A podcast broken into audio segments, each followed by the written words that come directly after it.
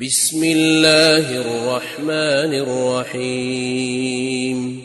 ألم تر كيف فعل ربك بأصحاب الفيل ألم يجعل كيدهم في تضليل وأرسل عليهم طيرا أبابيل ترميهم بحجارة سجيل فجعلهم كعصف